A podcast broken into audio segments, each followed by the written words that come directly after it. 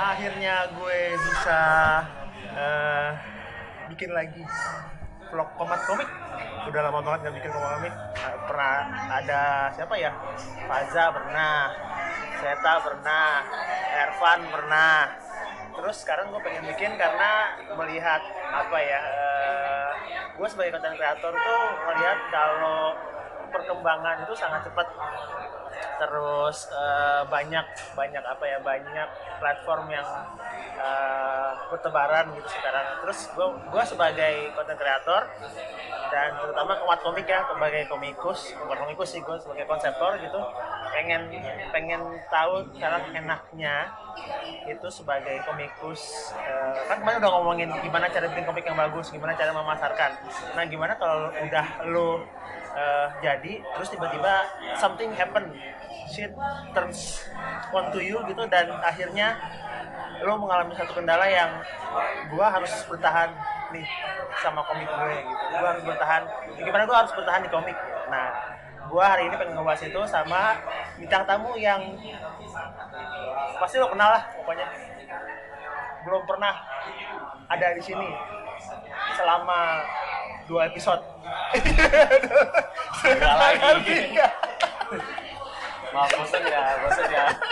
Bosan ya. Iya, jadi kemarin tuh lagi kita sama Seta gitu terus dia dia memberikan gue ide untuk eh, bikin tuh vlog tentang gimana cara eh, seorang komikus terutama itu bertahan di dalam situasi kayak sekarang ya Seta Ya, yang lebih realistis. yang lebih realistis jadi intinya kan ya, masih ngambang kan, masih kayak buat bertahan supaya karyanya continue itu masih masih praktikal. Tapi Ya.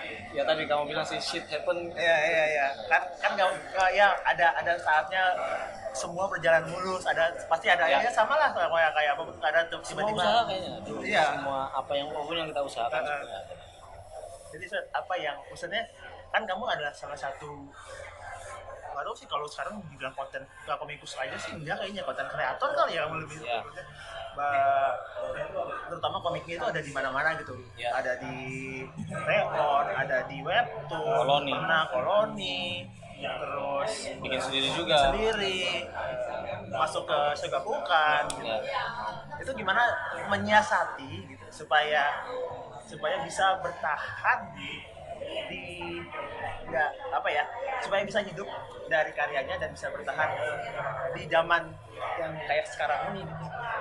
Sebetulnya saya sudah menyadari kalau industri yang up yang mau saya masuk industri komik itu dari awal tuh bukan sesuatu bukan lahan yang basah Nah. bukan yang di mana kita mudah sekali mencari uang Ya, ya, ya. ini bukan bukan advertising agency even event advertising juga juga susah sekali gitu.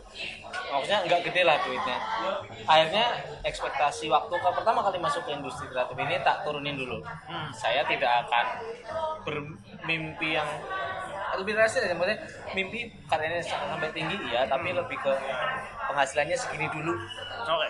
Jadi nanti habis itu naik segini tadinya di kos-kosan tak pindah kontrakan kontrakan tak nyewa rumah habis itu baru punya rumah sendiri. Ya, ya. semuanya ada tahapnya. Nah itu yang perlu saya sadari di awal.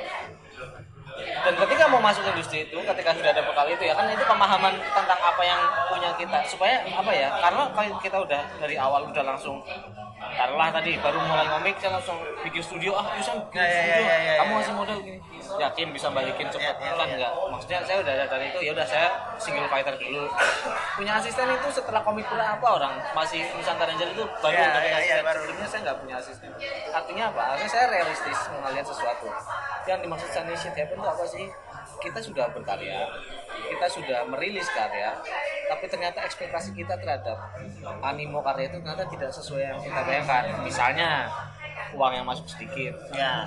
Yang tadinya kita udah sampai resign kantor Ya, fokus ya, ya. komik terus jadi kok kayak gini ya. Akhirnya banyak itu yang saya sebut tadi banyak sebenarnya orang yang tidak berhasil menyiasati pola hidup dia ketika menjadi komikus karena udah ke bawah sama pattern dia ketika dulu gajian misalnya. Oke. Jadi ketika jadi komikus oh kayak gini ya di mana kamu invest sesuatu yang mungkin lima tahun lagi baru balik Ya, ya, lewat ya, ya, besarnya ya. namamu.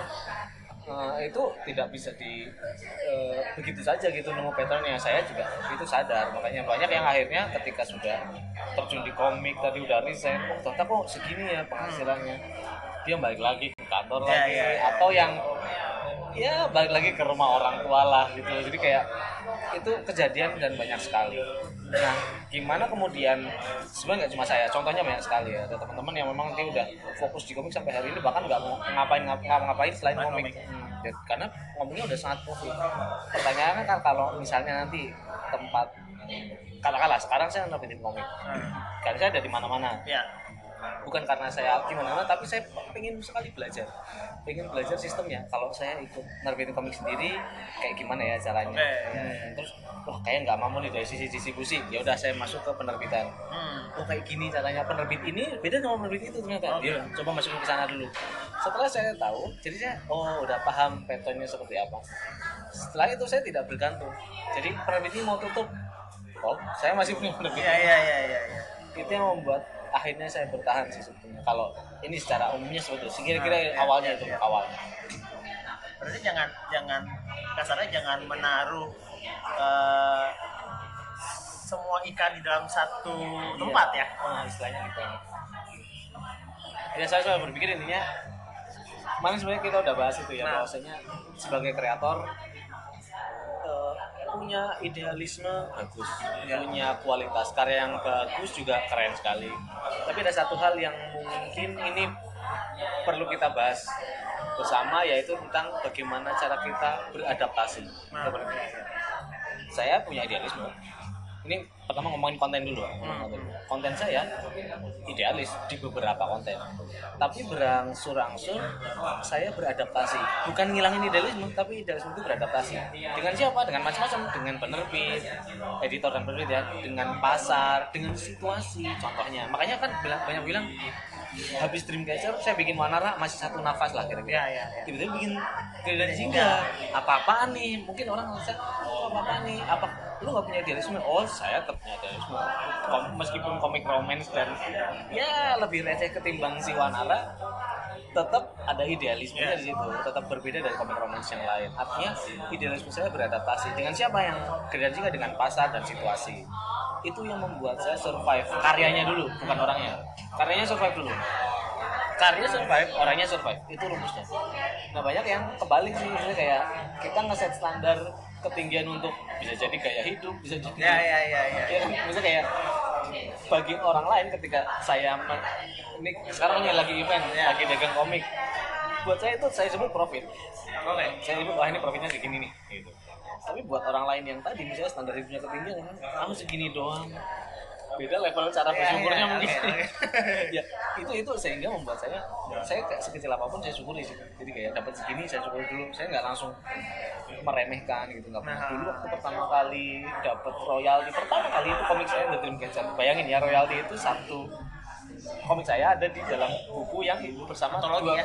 antologi dua komik yang lain berapa tuh ya? 10 persen dibagi tiga Iya, iya. ya kalau dibilang kecil sangat kecil. Thanks to Mako waktu itu muncul dengan bayaran satu halaman ada harganya gitu Iya, per iya, halaman iya. gitu sehingga saat itu saya bertahan itu sehingga ekspektasi saya terhadap bukan ekspektasi harapan saya terhadap industri komik wah lebih bagus gitu. Tapi kemudian Mako tidak ada apakah kemudian saya ke kacau ke kehidupan keekonomianya ya kacau tapi nggak yang kacau banget karena udah pernah di zaman Iya, iya, zamannya iya. The Dreamcatcher akhirnya saya survive cobalah dengan uh, dan Jingga dan waktu itu bahkan nggak belum ada monetasi sampai komiknya terbit gitu. Tapi paling tidak waktu itu saya sudah mulai diundang sebagai pembicara. Oke. Karena udah pernah bikin Wanara udah pernah bikin Dreamcatcher dan lagi bikin dan Jingga diminta sharing. Jadi profit dari komik, membuat komik sebenarnya macam-macam sih. Nah, Ya, ya, ya, ya, ketika kamu attitude-nya bagus di sosial media ke channelmu terhadap orang-orang lain bagus.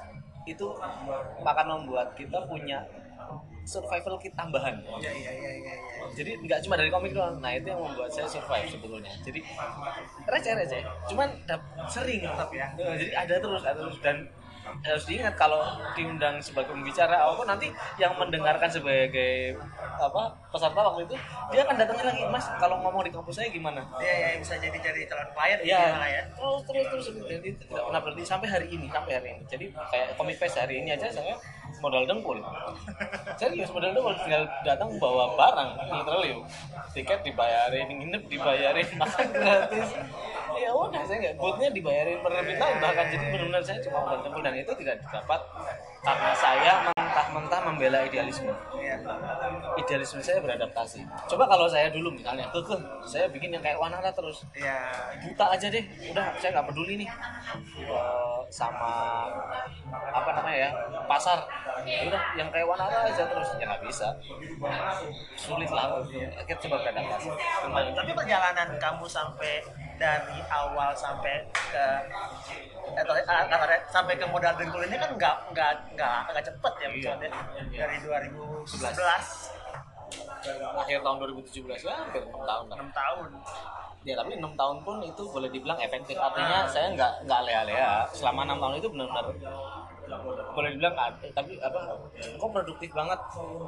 Emang itu cara saya bertahan saya harus bertahan bukan cuma bertahan. Makanya saya tadi bilang di panggung di Comic Fest saya bilang kita kalau saya hidupnya cu- cuma punya dua hal. Yang pertama saya punya level urgensi dan kedua punya level motivasi. Saya ngomik harus punya urgensi harus punya masa gawat darurat. Gimana kalau saya nggak ngomik saya nggak makan. Itu urgensinya Oh, Oke oke oke. Ya ya ya. jadi ya, ya. kalau saya ngomiknya setahun satu judul saya kalah sama yang setahun dua judul. Itu urgensi lagi. urgensi urgensi itu membuat saya keep up buat ngomik. Itu urgensi motivasi motivasi apa? Saya udah berjalan pusaka dewa. Saya pengen pusaka dewa jadi produk turunan card game. Apa yang harus saya lakukan? Jadi saya memotivasi diri. Urgensi sudah motivasi sekarang. Giliran Jingga harus ke animasi. Motivasinya itu. Jadi saya harus berkarya supaya bisa ke animasi. Gimana ya? Oh kumpulin episode lebih banyak lagi. Oke. oh diwarnai hak komiknya. Oh mainnya di Instagram. Jadi kalau saya punya level urgensi dan level motivasi saya bisa menciptakan temuan-temuan baru di dalam itu sih rumusnya Tapi tetap intinya tetap ber uh, kasarnya tetap berevolusi menyesuaikan dengan zaman dan tadi dua itu ya lebih evolusi. tepatnya beradaptasi beradaptasi karena gue ngeliat sekarang banyak yang eh, apa ya timbul tenggelam jadinya ya, Ya. maksudnya yang oke punya naik ride terus tiba-tiba di atas terus something happen. Terus akhirnya dia tidak bisa me, me- apa ya me- mempertahankan eh, posisi dia gitu. Dan eh, bahkan yang lebih parah adalah melihat eh, orang-orang yang dari udah jatuh gitu terus dia nggak nggak mampu buat naik lagi untuk bisa berkarya lagi gitu. Ya. itu yang itu yang sangat disayangkan sebenarnya ya melihat sedih lah kalau saya juga kayak gitu. Apalagi yang sudah punya karya bonafit lah ya. Iya iya. Ya memang menurut saya sih yang paling penting makanya kan ada rumus yang survival of the fittest itu paling tepat kalimatnya. Jadi yang paling bisa bertahan atau yang paling apa ya? mudah beradaptasi dengan situasi. Sekarang contoh. Saya orang yang sebetulnya nggak webtoon banget. Saya itu orang itu nah itu. dia tuh pengen ngomong. Saya tuh seneng banget sama media cetak. Karena saya biasa bermain di paneling. Nanti kalau pas halaman Ya, ini ya, halaman ya, janji ya, ya, ini ya. mau halaman spread itu saya harus mainnya uh, apa namanya ada passingnya Ya, gitu. ya, saya ya. atur plotnya supaya pas lagi halaman spread kalian wah gitu loh. Tiba-tiba muncul webtoon di mana monetasinya lebih bagus terus meraih pasarnya lebih cepat. Ya. wah itu gila-gilaan. Nah terus saya kan orangnya kayak tadi manual banget ya maksudnya cetak kalau harus webtoon saya harus menyesuaikan diri dengan eh, media. Apakah kemudian saya terus mentok. Suatu ketika saya ngobrol sama Alfa Alusius Alfa ya komikusnya Animacord Alfa concern punya concern kayak gini mas ini gawat nih. Kenapa gawatnya pak ini sekarang pembaca-pembaca muda SMP SMA itu banyak bacanya webtoon nggak baca komik cetak. Eh, karena tadi penawarannya Iya, ya iya. webtoon tuh gratis di smartphone. Iya, semua iya, orang iya, pegang iya, smartphone. tinggal download modal paket data which is sekarang itu makanan sehari-hari Iya. kan anak zaman sekarang. Nah terus Alfa concern kayak gitu ini gimana ya nasib komik cetak? Salah pak. Kamu kalau kamu concern kamu berarti eh, eh, eh, kalau kamu dari orang penerbitan kamu concern wajar lah kamu kan komikus. Buat apa kamu concern? Nggak ada urusan kalau kalau saya. Suat, besok komik cetak punah. Ya udah kamu webtoon bisa nggak? Loh saya itu penyedia konten bukan Iya, penyedia iya, media. iya, iya, iya. buat saya nggak apa-apa. Yang penting konten itu diadaptasikan ke webtoon apakah kemudian nanti tuh setiap setelah semua orang webtoon media cetak nggak laku jangan salah. Ketika ketiadaan terhadap satu benda itu memuncak ketika benda itu ada maka menjadi artefak. Oh, silakan semua orang webtoon semua raga zoma akan tercetak misalnya. Jadi itu akan jadi artefak yang wah gila raga zoma dong di dunia ini misalnya. Iya, iya, iya. tapi intinya poin saya adalah terkait dengan yang tadi adaptasi. Gimana kalau ternyata semua orang udah lari ke webtoon karena di sana duitnya lebih banyak secara penghasilan cetak enggak. Terus kamu kayak gimana? Nanya saya misalnya ke saya sendiri pun ya udah saya pindah ke webtoon Eh, formatnya webtoon maksudnya ke penye- platform buat webtoon mana pun bisa lain webtoon bisa Ciayo Iya, bisa iya, iya. nanti yang upcoming ada komiko eh, jadi apakah eh, buat saya itu bukan sebuah permasalahan besar. Yang penting kan kita konten. Kalau konsen nah harusnya kamu konsen kontennya jelek apa bagus? Iya, itu dia. Itu kalau dia. emang bagus mau pindah platform bentuknya berubah jadi eh, webtoon dari tadinya panel eh, cetak ya nggak ada masalah. Bahkan saya punya konsep yang lain misalnya kayak mengerja, menge- mengkaryakan bersama. Contohnya komik saya webtoon dulu nanti pas mau cetak jadi eh, ke penerbit cetak. Jadi double inputnya itu sudah dilakukan oleh Faza Meong dan Shizuki jadi kayak gitu modelnya. Lo iya dong. Faza udah melakukan itu. Jadi dia dapat untung dari webtoon webtoonnya nggak rugi juga. Toh cetak bukan ranahnya webtoon. Ya si cetaknya juga nggak rugi. Udah tayang do itu mah.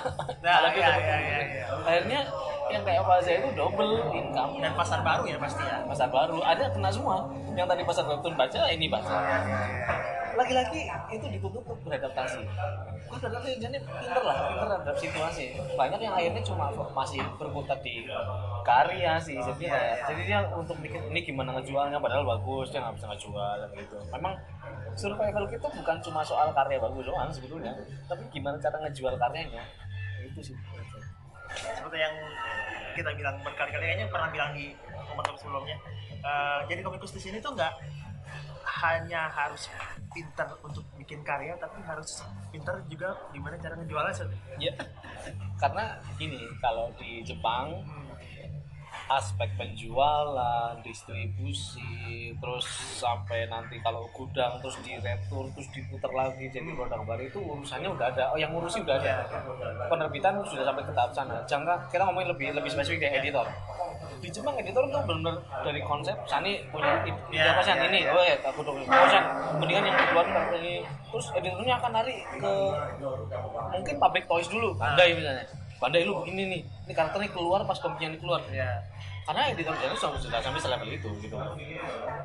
Di negara-negara yang sudah maju semua sistem udah well developed. Kita sadar itu. Bahkan kemarin saya ikut se- eh, di Menara Kibar itu ada satu acara di mana situ menghadirkan dari orang Gojek ya. Dia bilang nah, Indonesia is not a Silicon Valley. Karena apa? di Silicon Valley orang malah susah bikin apps. Susahnya apa? Bilang, semua problem sudah di solve iya semua. iya iya iya iya iya. di sana sampai bingung gue mau cari masalah apa ya?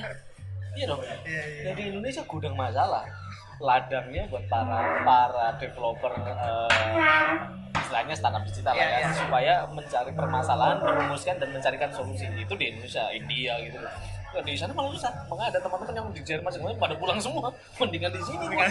Di sini gua hidup gitu semua orang Banyak apps gua kerjaan, kayak ya. gitu. Ya itu yang kejadian. Makanya semua negara eh, besar invest ke kita karena apa? Karena sumber masalah. Ya itu bagus buat mereka bagus buat kita juga sebetulnya. Karena kita jadi disediakan solusi di sistem komik juga begitu. Di Indonesia ini bukan belum belum punya sistem yang well developed banget apalagi untuk komik lah ya. Iya. industri kreatif keseluruhan aja belum gitu. Sampai urusan hukumnya belum fix Ya. belum jelas sama belum clear seperti apa. Copyright itu ya terkait dengan hukum tadi. Terus eh, distribusi pemasaran belum sampai ke pengembangan produk. Itu belum ada agent yang khusus dan boleh mungkin udah ada tapi yang benar sukses mana? Belum. Ber- sampai ke tahap jalan mungkin ya. Adalah eh, kayak Pionicon sebenarnya boleh dibilang agent yang sudah jalan. Ya. jalan tapi belum. Sukses banget belum belum. Kalau targetnya aja saya tahu dia pengen kayak Gudetama kayak Sanrio Ya, ya, ya, ya, ya. Itu baru dianggap sukses levelnya dia meskipun buat beberapa orang Pionicon nggak berhasil. Tapi intinya adalah kita belum punya yang seperti itu dan kalaupun ada sedikit. Satu mungkin malah. Ya ya. Karena aspek-aspek itu belum ada di Indonesia ya kita lah yang menyediakan sendiri. Jadi saya harus bisa memasarkan sendiri. Karena orang marketingnya dari penerbitan mungkin dikata belum mampu atau Ya. mungkin kewalahan punya judul lain yang mesti harus digarap saya harus bisa membranding di- diri saya sendiri di lewat media media sosial, lewat event-event offline supaya orang tahu oh Sota Kartika tuh spesialisasinya di sini, karyanya ini ini ini ini.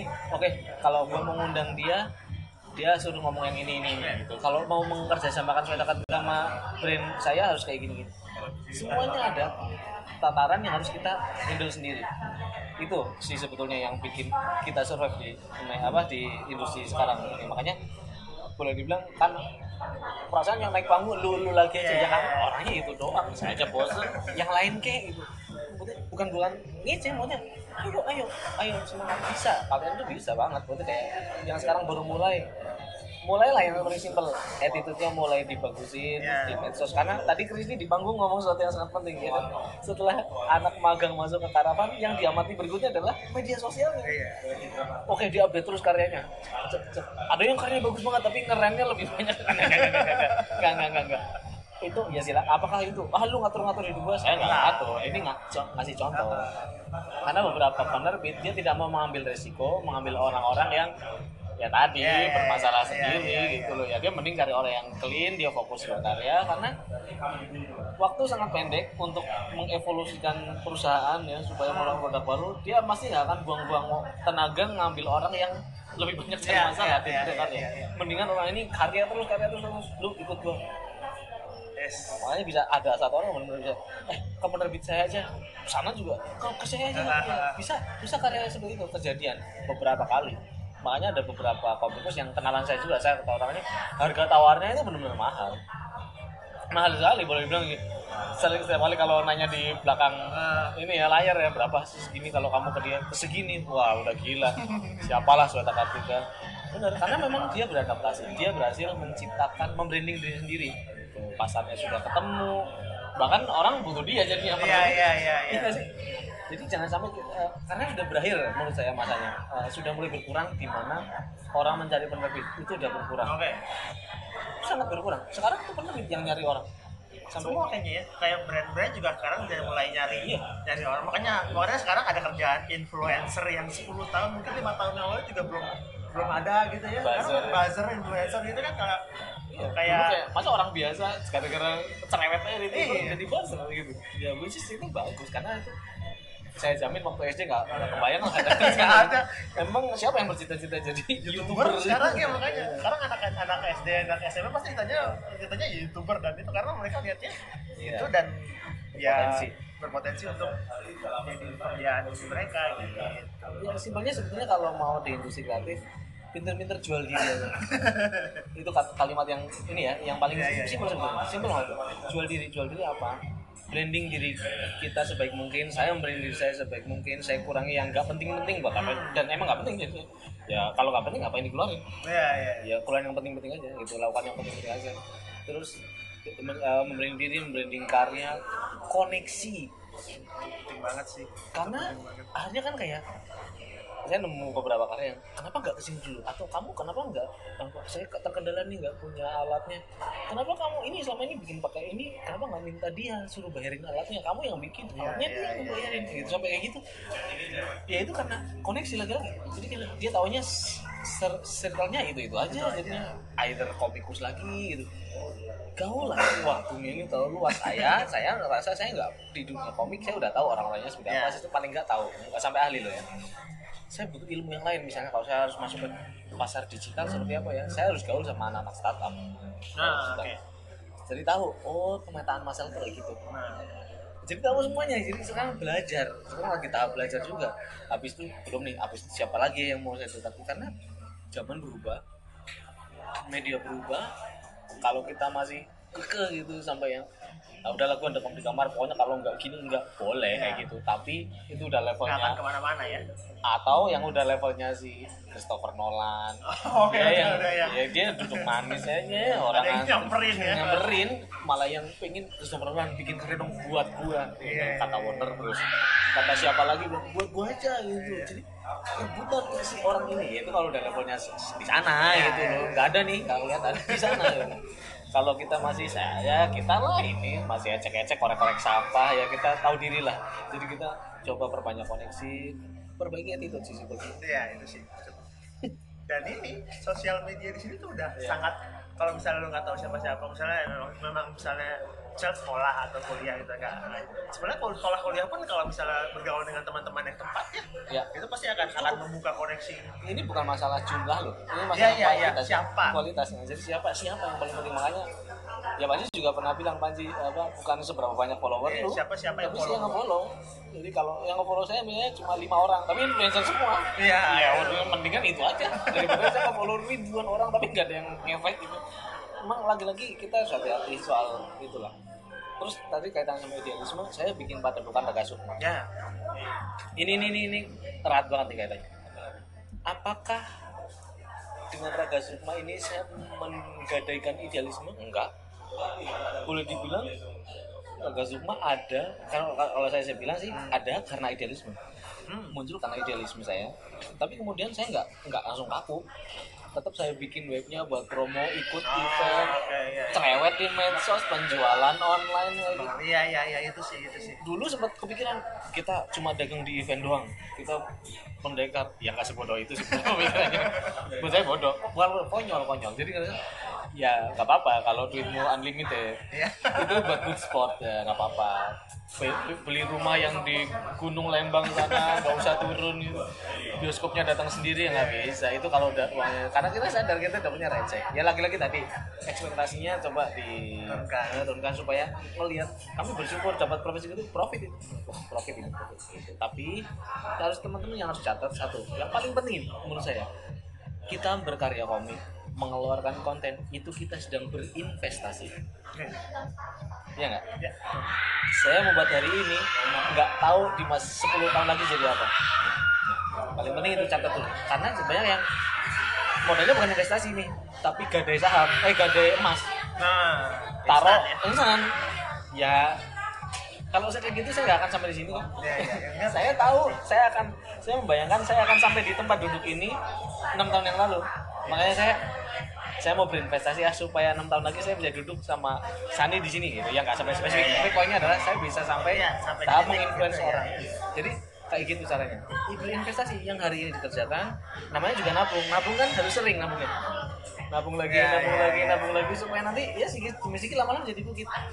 Itu rumusnya itu rumus. Semua yang tadi omongin saya omongin itu semuanya ada di pelajaran SD iya iya. Dong survival the iya, iya. itu pelajaran SD nabung. SD lagi. Sedikit sedikit lama-lama menjadi bukit itu ya. Kita kembali ke kearifan lokal itu tadi. Bener itu kearifan lokal tadi kayak sedikit demi lagi lama-lama jadi bukit. Terus kumpulan dengan orang budiman. Iya iya iya iya iya yang itu iya iya iya itu sih. Balik lagi pelajaran PPKN PMP Uh, dan jadi untuk jadi konten kreator sekarang ini yang pertama lu pasti harus beradaptasi terus. Yang paling penting sebenarnya sabar sih ya Sud. sabar sabar. Slow secure take your time take your time. Nggak semua yang uh, lu buat itu harus punya efek cepat dan segitunya uh, ke orang jadi uh, ya gitu. Contohnya ada di sebelah saya ini. Dari 2011 baru sampai titik ini 2017 dan yang nggak berhenti ah belum ini masih masih awal awal dan ini masih awal masih awal saya tak ngerti kan masih awal ya masih awal lah nggak ada yang tahu saya di seberang sana jadi masih belum gaung lah Thank you Zed. Ya, siap. Sudah ngobrol-ngobrol Oke. di Command Komik sekarang. Ya, ya gitulah intinya. Sampai ketemu di Command Komik episode selanjutnya yang nggak tahu kapan mudah-mudahan sama saya tahu lagi. Bye.